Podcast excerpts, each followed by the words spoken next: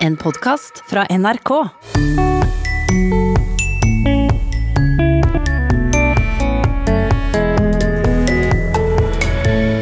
Hva har skjedd med den gode, gamle høysesongen, spør lytter. Er det på høy tid å snakke om bruken av høytid? Ja, det, det syns jeg. Eh, Dette her er jo en fascinerende observasjon. Mandal har et språk som bare skal forstås av innvidde. Mofilok, vet du hva det betyr? Nei. Det er noe du kesper til dimla. Nå blir Smoi, som språket heter, en attraksjon med egne turistskilter. Vel møtt til Språkteigen. Nå er det på høy tid å prate om høytid. For hva har egentlig skjedd med den gode, gamle høysesongen? Det spørsmålet fikk jeg inn i e-postkassa mi fra Steinar Slagstad. Han lista opp en rekke eksempler. Hør bare her. NRK Dagsnytt melder hvert år at sommeren har fått sin egen høytid. Sommeren er høytid for dumping av katter. I fjor ble høytidsbegrepet utvida med flere dyr. Sommeren er høytid for dumping av kjæledyr. Men høytider er tydeligvis et helårsfenomen, og derfor var det ingen overraskelse da NRK Dagsrevyen to dager før julekvelden i 2018 kunne slå fast at vi i jula har fått to høytider å forholde oss til. Juleferien er høgtid for sykdom og helseplager, viser ny forskning. Og det samme gjelder for påsken, da Dagens Næringsliv slo fast at påsken òg er høytid for hjemmesnekrede konstruksjoner. Og lista stopper ikke der, men Steinar var for snill til å nevne at undertegnede òg har tilført året noen ekstra høytider. En om våren. Mai er høytid for patos, i sang og i taler, og en som inntreffer annenhver høst. Så en høytid for svarunnvikelser, det er vel en valgkamp, da, eller? Så hva har skjedd med den gode, gamle høysesongen? Har den overtatt det som bøndene før kalte høyonna, spør Steinar til slutt. Jeg har tilkalt eksperthjelp og Toril Oppsal. Det virker som det er på høy tid å prate om høytid. Ja, det, det syns jeg. Eh, Dette her er jo en fascinerende observasjon. Eh, Og, og lytteren har jo helt rett her, at høytid har eh, Det er på høy tid å, å ta for seg dette. Fordi høytid betyr jo egentlig hellig tid. Altså, høytider er jo en betegnelse på ja, religiøse, kirkelige eh, fester, eller perioder eh, der de forekommer. Og så er det jo også en stemning, en høytid, kanskje litt sånn andektig stemning, som definitivt ikke hører sammen med å dumpe katter, eller hva det var nå du nevnte. Eh, Denne her høytidvarianten her, når det blir brukt om høysesong, den ser ut til å være ganske ny. Og høysesong i seg sjøl, det, det er jo en sånn ja, travel og populær tid på året Ja. eh, for en eller annen virksomhet. Og ikke minst så ser vi det i handelsvirksomhet. Høysesong for paraplyer.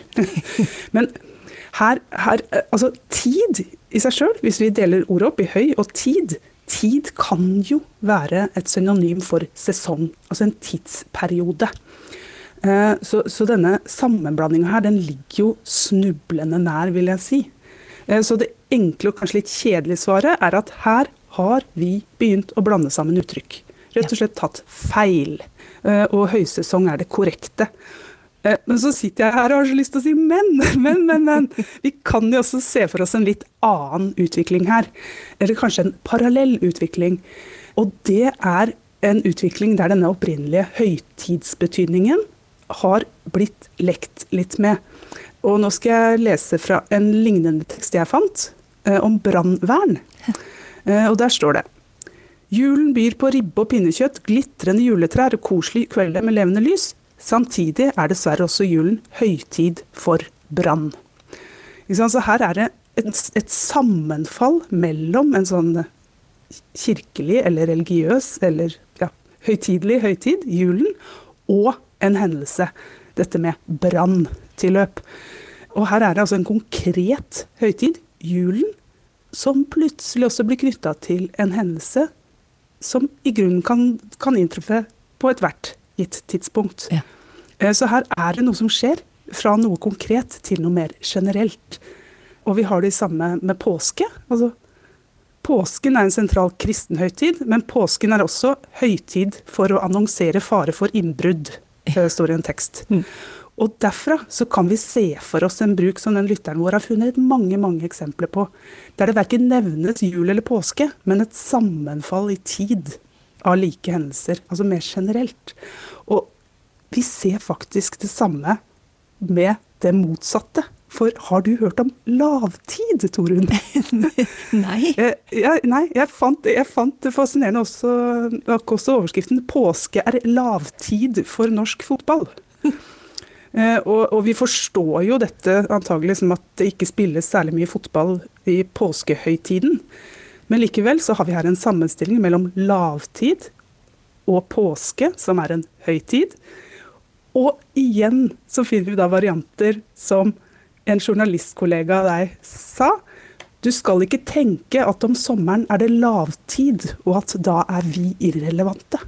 Altså, Sommerhalvåret er jo ikke noen høytid, men lavtid for en viss type hendelse. Så, så, her tror jeg altså at vi har en prosess hvor en utvidelse av denne her konkrete betydningen til en høytid får en mer generell betydning. Og så er det en ting til her, og det er at det er jo enkelt å blande sammen. Så jeg tror nok høysesongen spiller en rolle her også. Mm. Eh, fordi det så veldig raskt kan oppfattes som et synonym.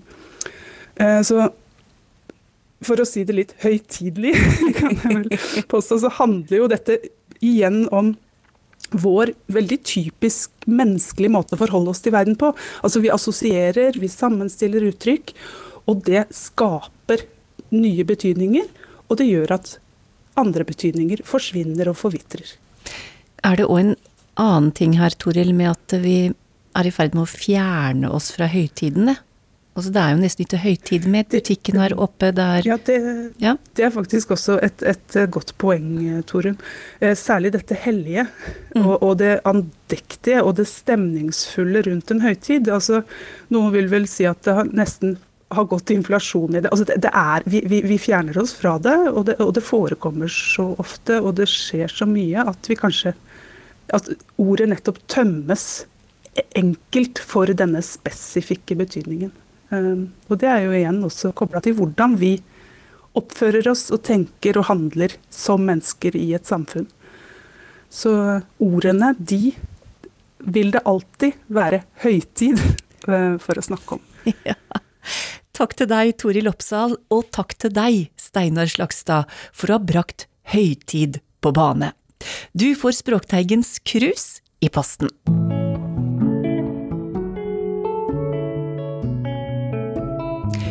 Det finnes tusenvis av språk. Noen snakkes av mange, noen snakkes av få. Noen språk er utdødd eller utrydningstrua. Språket vi skal prate om i dag, er en attraksjon. Vi skal til Mandal, som er det eneste stedet du finner språket smoi. Og det er du som er ute på tur, Knut Knutsen Eigeland. Ja, for smoi-språket dukker opp igjen i nyhetsbildet på Sørlandet pga. planer om å sette opp turistskilt på dette lokale språket. Men hva er egentlig smoi? Smoi det er et hemmelig språk bare de innvidde forstår. Nå er det ikke mange igjen som kan det, men jeg har møtt to eksperter. Nils Reidar Christensen har skrevet bok om smoi. Han har holdt utallige kåserier og byvandringer om språket. Han og kameraten Arild Fredriksen snakker flytende smoi.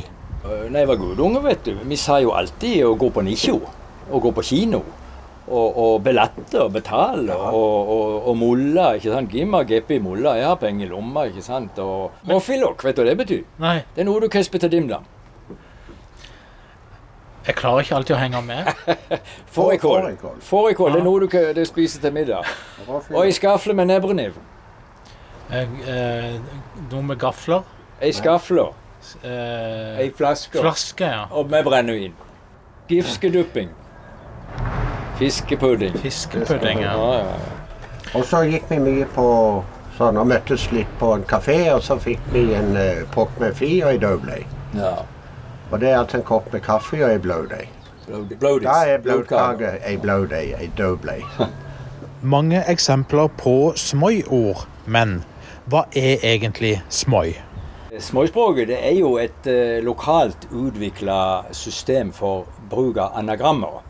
Og anagrammet det er jo som kjent det samme som bokstavforflytning. Og det er nettopp det småspråk dreier seg om. Det er jo å det er jo bokstavforflytning, og det er jo å vri og vrenge på ordene og på stavelsene, og bytte stavelser og forkorte og tilføye bokstaver for at det skal bli eh, uforståelig for de som ikke skjønner systemet. Og, og småspråk er rikt på konsonanter for at ikke, at ikke det skal bli helt sånn dønn vanskelig å si. Så småspråket er egentlig et vellydspråk. Altså det skal, det skal gille til bedildig nummen. Altså det skal ligge litt i munnen. Så det skal ikke være vanskelig å si. Og en variant er jo å bytte første og siste stavelsen i et ord. F.eks. tajent. Det betyr jenta. Og kenbank betyr banken. Og nenmann betyr mannen. Skafla betyr flaske. Og sandbuks betyr buksand. Og det er jo en forvrengning av mandalsdialekt, sånn som Arild og vi sitter og preker det nå. Eller så er det en annen variant. Det er å beholde første og vri på den siste stavelsen. F.eks. kaleppa, som betyr kapellet. Masadren betyr madrassen. Belatte, betale osv. Så er det en tredje variant. Der beholder du siste og vrir på den første. Røfti, mefti, kesti, dilden, øsjen betyr 40, 50, 60, liden og sjøen. Vodven, som betyr doven, og vøsni, som betyr søvnig. Og så har vi jo ikke snakka om eh, forkortelser. Ja, det er en variant. Og i stedet for eh, f.eks. at du sier eh, Espartan, eller es Espartanien, så sier du bare Espartan. Se på jentene. Uh, og, og, og, en konbell, det var en konstabel. Og under Gikren, under krigen, så kom jo uh, skerran, altså tyskerran. Kellen kan bety sykkellen eller ungkellen. Arild, dette snakker dere jo egentlig uten å tenke dere om. Ja, og det er fordi at uh, det er jo flere måter å gjøre det på, egentlig. Og poenget med språket sånn fra sin opprinnelse har jo vært å gjøre det uforståelig. Altså, de som forstår det, er jo fordi at de som er rundt, ikke skal forstå det. Mm. Og da trenger du ikke ta hvert ord i hele setninga og vrenge på, for da blir det for vanskelig, som å si. Så eh, vi har jo ei kjent regle som, som det er faktisk noen mer enn oss som, som kan. Men eh, du har den eh, fra gammel tid. Det var otnøbbe og nobbe og en nennmann høyt fra Nettland som røykte til Yben i en magge libb for å bøkke lø. Og etter åt itme så var Otta av nøbbene så loff og niffe at de begynte å yspe. Og da kom loppisen og fengte de i slengsel. Så var den dagen over for deg. Jeg sa to bønder og en bonde og en mann høyt fra landet. De kjørte til byen i en gammel bil for å kjøpe øl. Og det tok bare to timer, så var to av disse bøndene så fulle og fine at de begynte å spy. Og da var dagen over. Da ble de fengsla av politiet. Men du, nå, nå sitter vi og, og ler litt av ei regle som dette her. Men, men Smoisborget, om lag 100 år gammelt i Mandal? Ja, ja, ja ord, ord som, som rommer og affen. Ja og, og, og kidre og dysne, som betyr altså mora og faren, drikke og snyde, og nøbbe, som han sa, det var ord som var kjent allerede under eller før første verdenskrig. F.eks. i Mandal Sparebank. Der kunne altså bankfunksjonærene eh, De kommenterte kunder og sto i. Og jeg har, jeg har en periode i Mandal Sparebank. Og jeg opplevde jo disse her gamle som var noe briljante til å formulere seg. Og de, de kommenterte kun Jeg har jo en god historie fra banken. Der kom inn en, eh, kom inn en kar, vet du, og en fremmed en, muskelrufen, som, som, kom inn. Og Så gikk han hen til banksjefen og, og kontorsjefen og spurte om et lån. Og de to satt med skrivebordene mellom seg innenfor skranken. Og så spør, spør, han om et lån uh, til kontorsjefen. Og, og banksjef Gundersen han satt og tylta og lytta, ikke sant. Og og hørte på eh, hva de prata om. Og så spør han, eh, mens han kikker utover elva, så spør han uh, Muskel Ruff, sier han. Har Nennemann GP Kenbank? Og det betyr skummel fyr, har, har mannen penger i banken. Og så svarer Tønnesen, kontorsjefen, så svarer han 'Genning nygr', sier han. Og det betyr uh, ingen gryn, altså ingen penger i banken. Og da kommer de fra banksjefen. Uh, 'Genning nål', ingen lån. Så, og, og, han fyren han skjønte jo selvfølgelig Han skjønte jo at ikke han fikk lån, vet du, men han skjønte jo definitivt ingenting av hva de to prekte seg imellom. Nei. Og drosjesjåførene de brukte det seg imellom og kunne, og kunne preke om når det er folk som ikke kanskje var, kunne betale for seg. Og det der, det der, det der når, Hvis det kom inn en som hadde dårlig med geppe, vet du, så, så sier den ene til den andre Kek krøkna, ra kek med fred, du roff kek geppen som betyr 'ikke kjør han'. Han har ikke fem øre, du får ikke penger. Og dermed så ble det ikke noe tur på han. Så de brukte det veldig mye. Men hva vet egentlig folk flest i Mandal om Smoi? Vi tar en tur i sentrumsgatene og spør unge, gamle og turister, og får ytterst varierte svar. Nei, Det var et uh, sjørøverspråk de hadde her i Mandal. På 1900-tallet, tror jeg det var. Jeg vet at det er helt spesielt for Mandal. Men du er herfra? Ja. ja. Og ikke hørt om Smoi-språket? Jeg hørte om det, men bare at det er språk, men ikke noe mer. Jeg lurer på om pappa har nevnt det en eller annen gang. Okay. Han er herifra, men jeg er veldig usikker på litt på gyngende grunn. Ja, hva, hva, vet du om det, da? Nei, nå ble jeg veldig usikker. Men var det det som var sånn eh, At man putta inn forskjellige konsonanter foran eller et eller annet sånt? Kan det stemme? Du er fra Mandal, forholdsvis ung. Smoi-språket, kan du det? Eh, nei, lite grann, ikke mye. Eh, Kespedimdam, det har jeg hørt om, men eh, jeg husker ikke hva det betyr. Skal vi se, nå har jeg kommet fram til en kafé-restaurant, og her står det faktisk Smoi. Denne restauranten heter faktisk Smoi. Jeg går inn. Hei! Kan noen av dere Smoi-språket? Uh, nei. Nei? sånn, nei. Så begynte taxisjåførene òg å bruke det etter hvert, for de skulle snakke om damene som gikk forbi, og ja. sånn at ingen skjønte hva de sa. Tilbake hos våre to Smoi-eksperter får vi høre litt mer om hvem som ikke snakker Smoi. I utgangspunktet så var det jo uh, så var det jo en måte å, å, å kommentere. Altså du kommenterte andre folk, og det er jo ikke helt pent. Men det ble kommentert både i positiv og, og, og negativ retning. Så, um, så, og det var heller ikke, var ikke helt stuereint i de litt niffe malifiene, altså de litt fine familiene. Det var mer eller mindre et eh, sånn gate, gatespråk. Men det har ingenting å, å, å gjøre med, med, med røverspråk og, og krogespråk, som var barnespråk. Ja, Dette var et språk som ble brukt og utvikla av, av voksne. Men det var jo òg mye brukt uh, i 20-årene og før drosjesjåføren tok skikkelig tak i det, så var det jo mye fiskerne og det som skjedde ja. langs fiskebrygda, fiskebrygga, Skiffegubra. Det var de som begynte med Smøy, fiskehandlerne. De lå òg og solgte fra, fra sjektene sine. Og det er da, er fiskehandlerne benytter anledninga til å kjøpe libbi, det som er igjen i, i baljen. vet du. Mm. Og det er da de spør om hva skal du ha for slumpen. Og så sier kanskje den ene fiskeren øh, fem kroner. Men så sier den ene fiskehandleren til den andre Yban Riffer, som betyr byen fire. Så det var, det var, De som drev handel, det var de som begynte med småspråket. Og så, i 1920-årene, så kommer jo drosjene til Mandal. Begynnelsen av 20-årene. Og har holdeplass nettopp på fiskebrygga. Så overtok drosjesjåførene språket og videreutvikle. Du vet, du har òg en periode når vi hadde andre verdenskrig eh, her.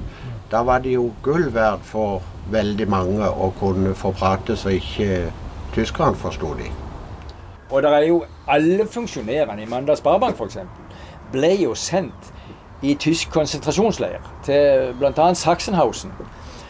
Fordi at de drev med, med illegal, altså med nyhetsformidling i banken.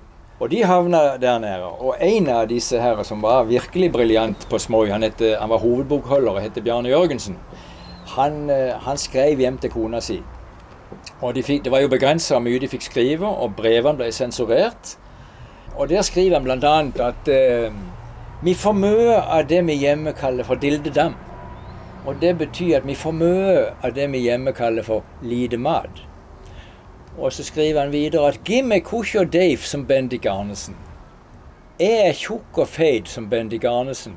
Men Bendik Arnesen, som var en kollega i banken til Bjarne Jørgensen, han var så tynn som ei synål. Så dermed så fikk han forklart eh, kona si Agathe at, at det sto dårlig til med kosten. Og Bjarne var jo egentlig en, han var jo en røslig mann. Ja, han ble jo så, det ja. eh, men han fikk jo forklart at det var dårlig stelt med, med vekta. Er Smoyspråket Ser dere på det som en uh, attraksjon, en severdighet for Mandal? Ja, det er jo, det er jo et stykke lokalhistorie, og det er jo, det er jo helt spesielt uh, i Norge. Det er jo ikke noe tilsvarende i Norge. Hvorfor er dere så sikre på at Smøy er et språk? For altså, Når en eh, professor i lingvistikk ved Universitetet i Oslo sier at det uten tvil er et språk, men veldig vanskelig for de som ikke har mandalsdialekten sånn helt på øret, da velger jeg å tro at eh, det kan eh, betegnes som et språk. Nede i sentrum så er det en restaurant som heter Smoi. Ja. Og jeg har fått med meg at det er snakk om å kanskje lage skilt på Smoy-språk i Mandal. Hva syns du om uh, disse tingene? du, du, det er jeg skeptisk til. Ja. For det syns jeg egentlig bare er noe tull. Eh, Mandal, Vi drukner jo i skiltet her fra før, og skal du da ha skilting på småispråk? Det blir jo, da blir jo eh, forvirringa total. Selv om det kan være god reklame for Smoy-språket. Ja, jeg, jeg, jeg syns ikke Jeg syns ikke så veldig om det. Jeg må si det. Vi har, en, vi har jo en kjempefin restaurant her som bruker smøy i konseptet sitt for alt det det er verdt. De, bruker, de har samme logoen som på boka, og, og veggene inne er jo tapetsert med, med småjord i bøtt og spann. Så eh, jeg er ikke, er ikke noe tilhenger av skilting på smøy. Det, I så fall så måtte det jo ha vært eh, en undertekst med det det egentlig skulle bety, da. For ellers hadde det vel blitt mye luring og spørring og graving og ja. Men nå er dere to forholdsvis voksne menn. Hva, hva skjer med Smoy-språket nå? nå, ja, Ja. når vi er døde Ja. Ja, altså Nei, men der har vi jo heldigvis uh, fått ut uh, Boga? boka. Jo, men jeg tenker på et behov for å lære språket videre til nye generasjoner. Ja, men vi gjør jo det alt det vi kan. Ja. Vi, vi bruker Det er jo jo det vi egentlig har uh, prøvd en del, og vært villige til å ta imot folk som har hatt lyst til å lære litt og Ja. prøve å gjøre noe med det. Men mitt inntrykk er jo at det, er veldig aktuelt der og da at de skal skrive en oppgave, eller de, de er i en viss alder og har lyst til å lære litt om dette. Mm. Men så dør det vekk igjen. Så, for de har ikke noen å bruke det sammen med videre, liksom. Jeg er nå kanskje redd for at eh, det blir vanskelig. Skal være litt realist òg. og Ja, nå har jo jeg heldigvis eh, to godt voksne sønner som er flaska opp eh, med småspråk. Og de, i den vennekretsen der blant gudene, så bruker de det. Og det syns jeg jo er veldig, veldig gøy. Men jeg håper, jeg håper virkelig at de, de ikke må gå i glemmeboka. Ja, vi håper absolutt. Absolutt. Det var Knut Knutsen Eigeland som intervjua Nils Reidar Christensen og Arild Fredriksen om Smoy-språket.